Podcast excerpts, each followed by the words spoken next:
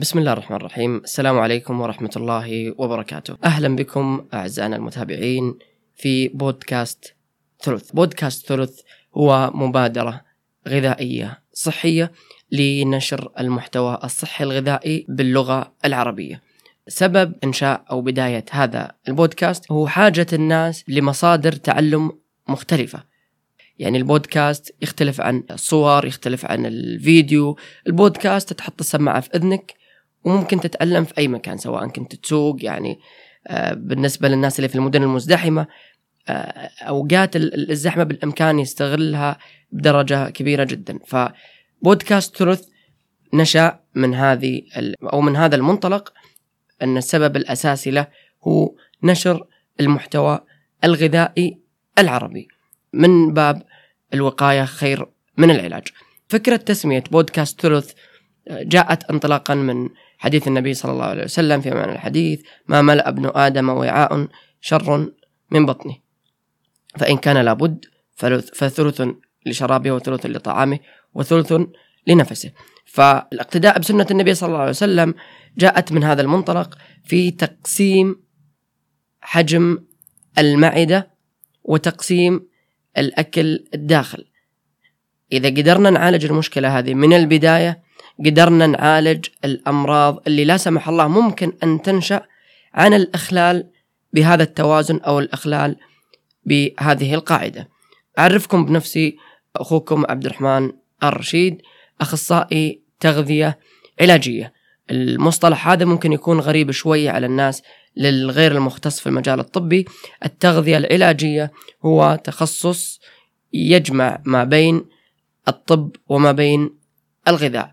وبالمصطلح العامي هو العلاج بالغذاء أو الوقاية بالغذاء.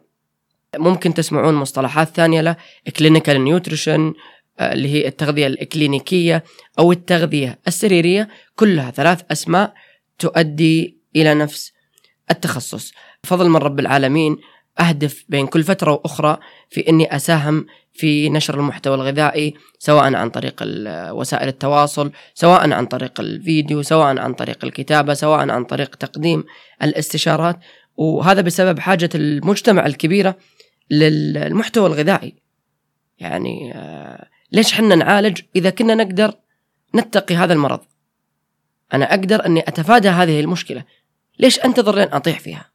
ففكرة تخصص التغذية الإكلينيكية مثل ما ذكرنا أنها مهمة جدا جدا جدا للوقاية. بإذن الله تعالى من الأمراض وأيضا علاجها وللأسف آه تعتبر المملكة العربية السعودية أحد الدول اللي تعاني من نسبة عالية من الأمراض المزمنة سواء تكلمنا عن سكري اعتلال أو اختلال الدهون ارتفاع الضغط الكلى المشاكل المزمنة اللي المملكة العربية السعودية تتصدر أو من ضمن الأوائل للأسف في هذه القوائم.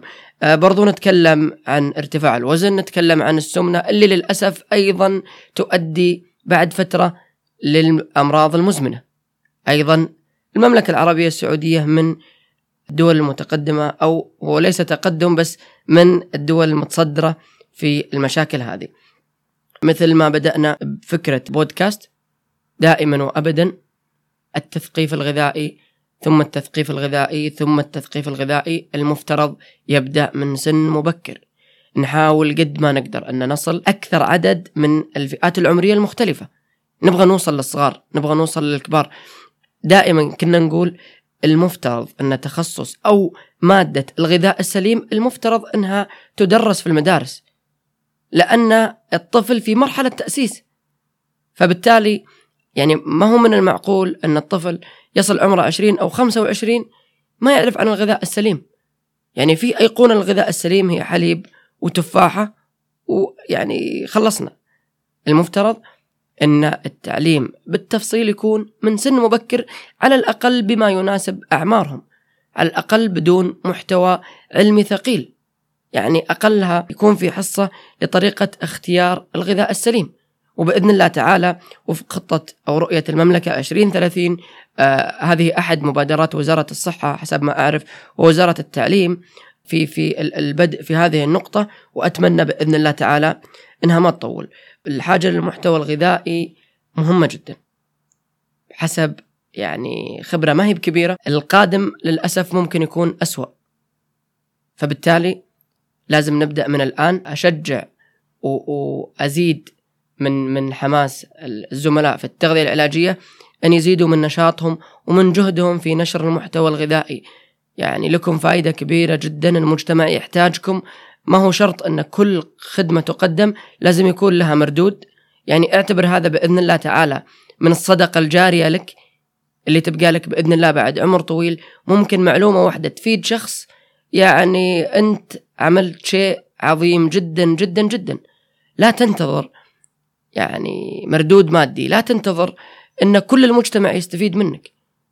ممكن يستفيد منك اثنين خمسة عشرة مية خير وبركة. أنت مجرد ما أن تهتم وتبدأ في نشر المحتوى الغذائي في في التواصل مع الناس بإذن الله تعالى يعني بتساهم في نشر ثقافة اختيار الغذاء السليم تنشر ثقافة النمط الصحي أو النمط الغذائي الصحي تساهم في نشر أو في في التوسع في اختيار نمط الحياة الصحيح نوع الأكل كمية الأكل وقت الأكل الحركة من عدمها شغلات كثير نساعد الناس أو أن نشجعهم في اختيار أو في أن يعتمدون على أنفسهم. يعني ما هو من المنطقي أن كل معلومة بيسأل عنها. أنت تعطيه المعرفة وتعطيه العلم وهو نفسه بإذن الله تعالى يعني آه، يكون عنده السلاح المعرفي اللي يساعده في اختيار اللي يساعده مستقبلا. نفس الشيء الأب بإذن الله إذا ساهم في في نشر المحتوى الغذائي في البيت أو بيساهم بشكل كبير إنه ينشر الثقافة الغذائية في البيت الأم كذلك الأمهات لهم دور كبير جدا في هذا الجانب. هي اللي تطبخ وهي اللي تنصح وعليها دور كبير جدا. والأطفال من سن صغير يتأثرون بآبائهم. من غير المنطقي إن أنت تنصح طفلك بغذاء صحي وأنت غذائك غير صحي. دائما نتذكر آه، بيت الشاعر وينشأ ناشئ الفتيان منا على ما كان عوده أبوه الأهل. لهم دور كبير جدا جدا جدا. من هنا جاءت فكرة إنشاء هذا البودكاست في محاولة نشر المحتوى الغذائي باللغة العربية. آه إلى هذه الفقرة نصل إلى نهاية هذا البودكاست.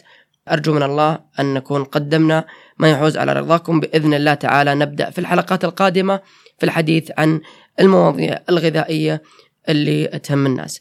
نستقبل آرائكم وأطروحاتكم للحلقات القادمة أو استفساراتكم على حسابي الشخصي عبد الرحمن آر رشيد على تويتر دي تي اندرسكور اي ال ار اي اس اتش دبل اي دي أعيد مرة ثانية عبد الرحمن آر رشيد. راح تشوفون الحساب الشخصي موجود فيه التعريف أخصائي التغذية العلاجية. سبحانك اللهم وبحمدك أشهد أن لا إله إلا أنت أستغفرك وأتوب إليك.